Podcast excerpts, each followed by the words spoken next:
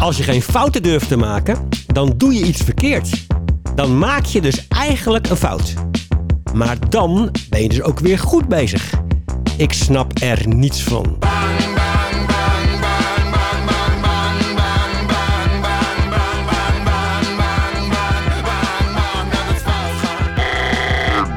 Ik heet Remco van de Drift en ben directeur van het Instituut voor Faalkunde. In deze podcast laat ik met mijn collega faalkundigen mensen aan het woord die open durven te zijn over hun fouten. Om jou te inspireren ook meer open te staan voor faalervaringen. Voor minder perfectiestress en meer foutenmaakmoed. De muziek in de Faalkunde podcast is van Mark Lotterman.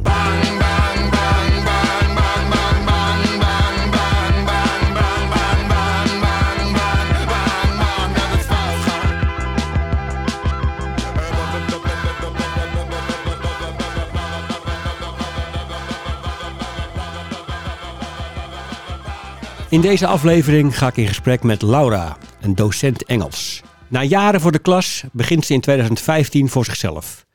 Ze werkt een paar jaar met studenten en allerlei mensen die Engels willen leren voor hun werk. Omdat ze de dynamiek van het onderwijs mist, gaat ze na een paar jaar in op een vraag van een VMBO om daar weer voor de klas te komen staan. Nou, weer, weer eh, ja, back on the horse, as it were. Uh, weer voor die klas. En uh, de dynamiek van een, een, een klas voelen. Het, contact wat ik voorheen had met leerlingen, dat was over het algemeen altijd leuk. En ja, dat wilde ik weer, uh, weer terug. Terug op school gaat het mis. Laura was vroeger HAVO-VWO-docent. En nu op het VMBO moet ze leerlingen structuur bieden en omgangsvormen bijbrengen. En dat lukt haar niet. De lessen zijn een drama voor haar. En ze voelt zich heel schuldig naar de mensen die haar op het VMBO hebben aangenomen. Je wordt ergens ingehuurd en zij zijn, uh, ja, zij zijn van mening dat ze een goede kandidaat hebben gekozen. En dan begint het.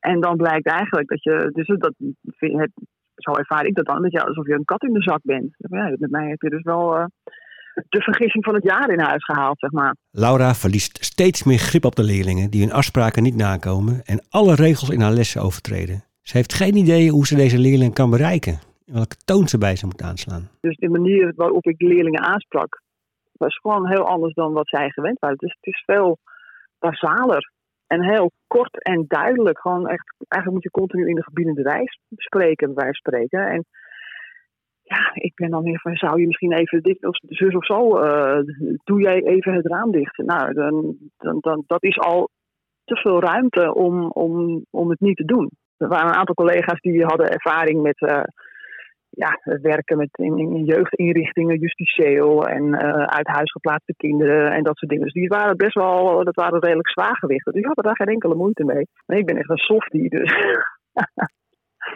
ik, had dat, ik heb dat niet zo. Haar lessen zijn een chaos met schreeuwende leerlingen en ze komt niet meer aan lesgeven toe. Ze besluit niet meer door te ploeteren en trekt de stekker eruit. Wat me opvalt aan de manier waarop Laura mij vertelt over haar ervaringen, is dat ze heel streng is voor zichzelf. Dat ze de hele verantwoordelijkheid voor het niet slagen van deze missie op haar eigen schouders legt. Ze heeft hele kritische gedachten over zichzelf. Ik krijg gewoon niks gedaan. Dat is, uh, ik denk, in, in, in de notendop waar het dan om gaat. Ik weet wel dat het niet zo zwart-wit is. En dat ik een hoop dingen ook weer wel gedaan krijg. Maar dat ik daar misschien een onvoldoende waardering voor heb. Ik ben met Laura in gesprek gegaan over gedachten.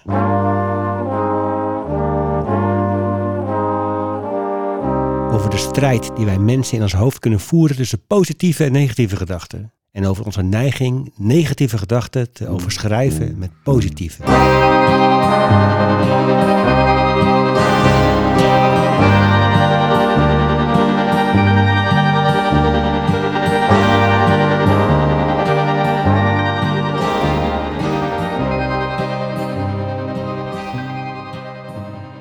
Dat is lastig van gedachten. Want je kan ook wel die positieve gedachten er tegenover zetten. Om die donkere gedachten mm -hmm. weg te krijgen. Maar gedachten kun je niet deleten.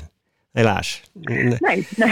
Ik krijg niets gedaan, is een gedachte, een gedachte in je hoofd. En wat je wel kan doen, is die gedachte wat meer op een afstand zetten. Door die gedachte op te merken. En, en, en ook te zien als een fenomeen wat eigenlijk niets meer of minder is dan een gedachte. Die je kunt geloven of, of niet. Ik krijg niets gedaan. Is, in wezen is dat taal en, en een gedachte die, uh, die ervoor zorgt dat je je een kat in de zak gaat voelen.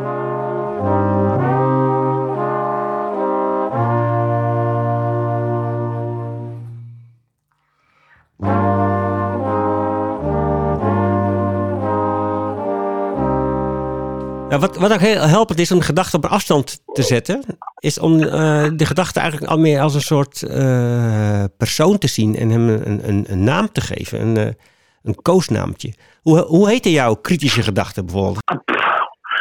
Hoe, hoe ze heten? Nou, ik heb er Gerard van. Gerard, oké. Wat voor type is Gerard? Veel eisend. Veel eisend. Streng. Ja. Is die oud of jong? Wat, wat, wat, is, het, wat is het voor een... het is een man dus in ieder geval. Ja, het is wel een man inderdaad. nou ja, dat is misschien. Nee, het is wel een beetje een mannelijk type, ja. Mm -hmm. uh, ik denk dat hij wel wat ouder is. Ouder dan ik. Ouder dan jij, oké. Okay. Ja. Een oude, strenge man.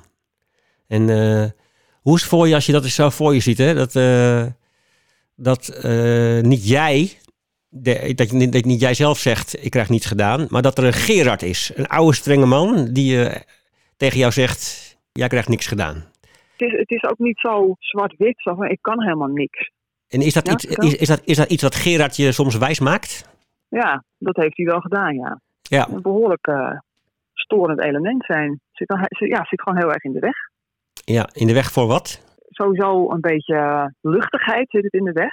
Dat maakt, het maakt alles heel zwaar. Ja, Alles moet dan wel goed gaan.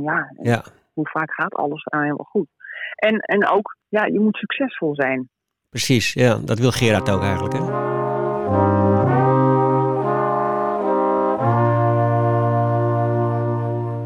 Jouw Gerard, en bij mij heet hij Karel. Als er dingen misgaan, als ik, dan is Karel als de kippen erbij om, om eigenlijk mij te veroordelen.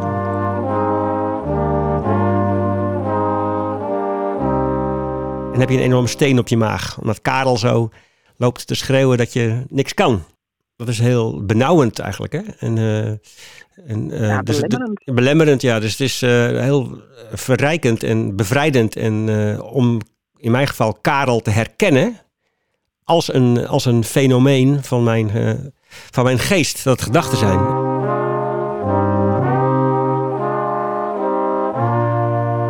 Vooral s'nachts zijn gedachten echt niet, niet uit te zetten.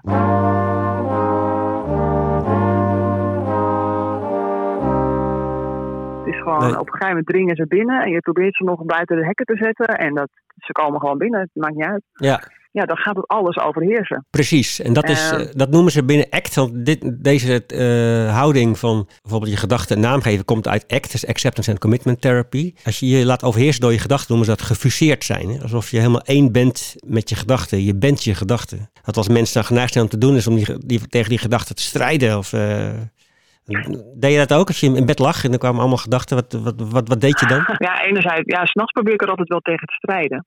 Maar weet je, niks helpt s'nachts.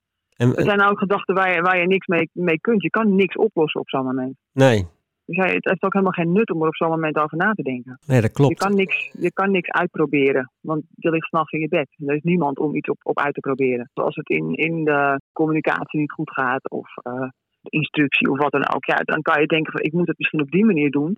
Maar midden in de nacht kan je er niks mee. Dus Nee, je ligt in je bed, je wilt slapen. ja, Ja. niemand wil jouw instructies horen op zo'n moment. Nee. Nee, en wat dat, wat dat helpend is, is om te realiseren dat er een Gerard is. Die eigenlijk naast je ligt in Ja. bed en eh, je wijs maakt dat je dit niet kan. Misschien is inderdaad een naam geven aan, aan die gedachte dat het wel een goed idee. Want dan kan je die gewoon wat voor idee wat fysieker terzijde schuiven. Zeg van nou op zouden jij. Ja, ik wil slapen. Laat me met rust. Ja, laat dan met rust. wat doe je hier? Dag, dag Gerard, slaap lekker.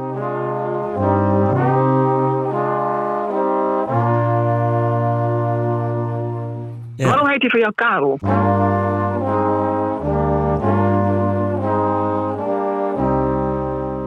Ja, dat, was, dat, is, ontstaan in, eh, toen ik aan het wandelen was in Myanmar. Toen liep ik daar op hele slechte wandelschoenen door de bergen. En toen hoorde ik elke keer zo'n stem. Ben je toch een sukkel, Remco, dat je gewoon niet je wandelschoenen mee hebt genomen, maar deze Nike's. En toen dacht, dacht ik van, wie is deze mopperkont op mijn schouder? Dat is, en toen kwam Karel kwam met me op. Kritische Karel.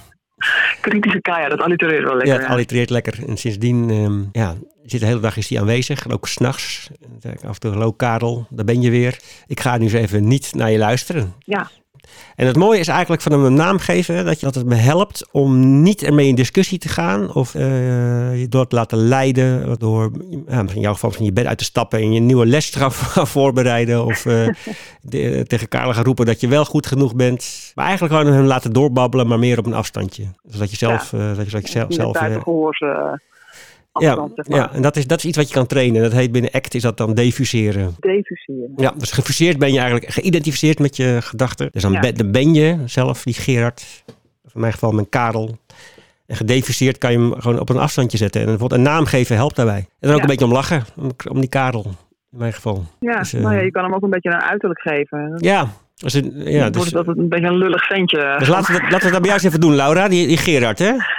Ja, giftige Gerard. Ge- eh, ja, een giftige Gerard zelfs. Prachtig. Hoe ziet hij eruit? Hè? Want je, het is een wat oudere man. Kan je nog even gewoon eventjes, eh, goed, goed duiden? Dat we hem gewoon eh, goed, is, goed, goed kunnen zien? Ja, hij is niet heel groot. Hij heeft een beetje zo'n een, beetje een cliché mannetje. Een cliché mannetje. In Prachtig. in zijn uiterlijk. Ja. Ja, zo'n zo'n pullover met zo'n overhemdje eronder. Zo'n geruit overhemdje. Oh ja, ik moet een beetje denken aan oude leraren bij mij op de middelbare school. Zo'n beetje zo'n zo verzuurd, zo'n verzuurde oude leraar. Ja, nou, een beetje zuur wel, ja. ja, hè?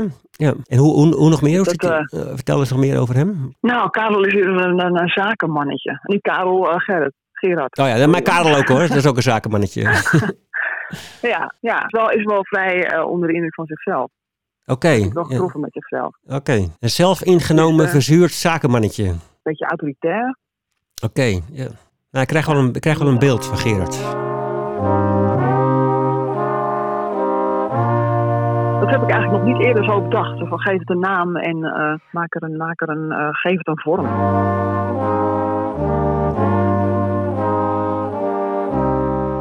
Ja, dan wordt het iets bijna fysieks. Ja. nog steeds niet fysiek natuurlijk, maar in de, in de verbeelding. Ja, nou, wat je zou kunnen helpen, je kan ook een, een, een teddybeer kopen met een t-shirtje waar je een Gerard op zet. Dan leg je hem, leg je hem bij je in je bed en als je wakker wordt en Gerard geeft weer allerlei commentaar, dan, dan zet je dat teddybeertje gewoon even uit je bed, op, op de vensterbank bijvoorbeeld. Dag Gerard, ga jij maar Ja. even daar slapen. Oké. Ja, ik, ik, ik verbaas me altijd dat soms eh, dingen zo eigenlijk zo relatief eenvoudig zijn te hanteren. Ja. En, wel, Ik, ik, ik heb de neiging dingen altijd heel ingewikkeld te maken. ja, dus dan- zo'n idee van Gerard die je uit je bed zet is heel eenvoudig voor je. Ja, ik denk ja, dit is wel eigenlijk gewoon kinderlijk eenvoudig. En het is ook wat speels, hè? Want ik denk dat zo'n Gerard, het is- klinkt als een hele serieuze man. En het, helpt om... om, om Klinkt wel echt als een volwassen man, hè? Ja, het helpt, en het helpt dus om hem wat, als jij, jij hem wat, niet, wat minder serieus neemt, helpt denk ik ook om Ja. eh, an- anders mee om te gaan. Om hem eh, als teddybeer uit je bed te zetten. Ja, het moet een beetje ridicuul worden eigenlijk. Ja, ja, precies. Ja. Je mag hem best wel wat belachelijk maken, want hij heeft Ja, zo te horen best een grote invloed op je leven. Dus eh, ja, je mag dat die invloed, maar hij mag, hij mag doorbabbelen, maar je mag wel zijn invloed wat verkleinen. En dat, dat kan, Ja. kan helpen om hem een beetje belachelijk te maken.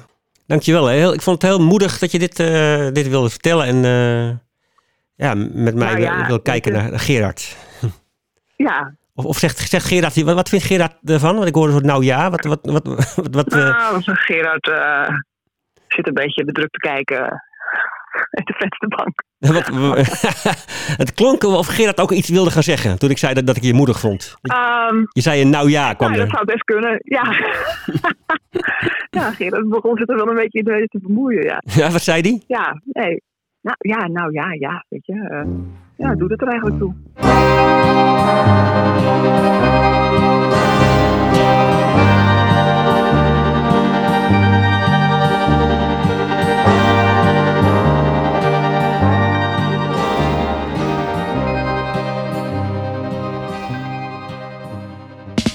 De Faalkunde podcast wordt gemaakt door mij, Remco van der Drift. Samen met een aantal collega's van het Instituut voor Faalkunde, Frank Kupper, Saakje Bakker, Richard Roling, Maika Ment en Nienke Cinema.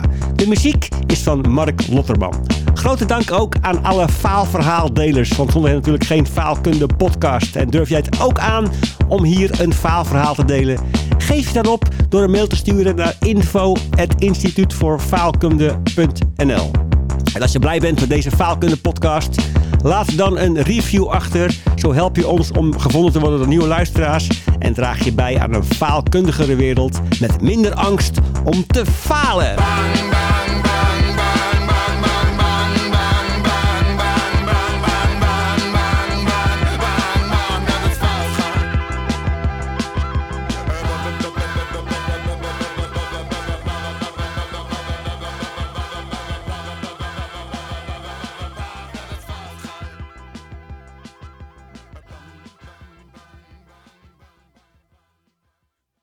Ja, hallo. Uh, Gerard hier. Ik sta perplex. Dat er op deze manier over mij gesproken wordt in een podcast? Dat, dat gaat echt een alle fatsoensnormen voorbij. Ik word hier gewoon belachelijk gemaakt. Terwijl, ik heb het beste met haar voor, hè? Alles wat zij tot nu toe heeft bereikt in haar leven, heeft ze aan mij te danken. Ik haal het best in haar naar boven. En in plaats dat ik dan een bedankje krijg, hè, ik word hier gewoon uitgelachen. Ik, ik word in een vensterbank neergezet. Alsof ik een of andere teddybeer ben. dit is niet kies. En wat is er mis met mijn pullover?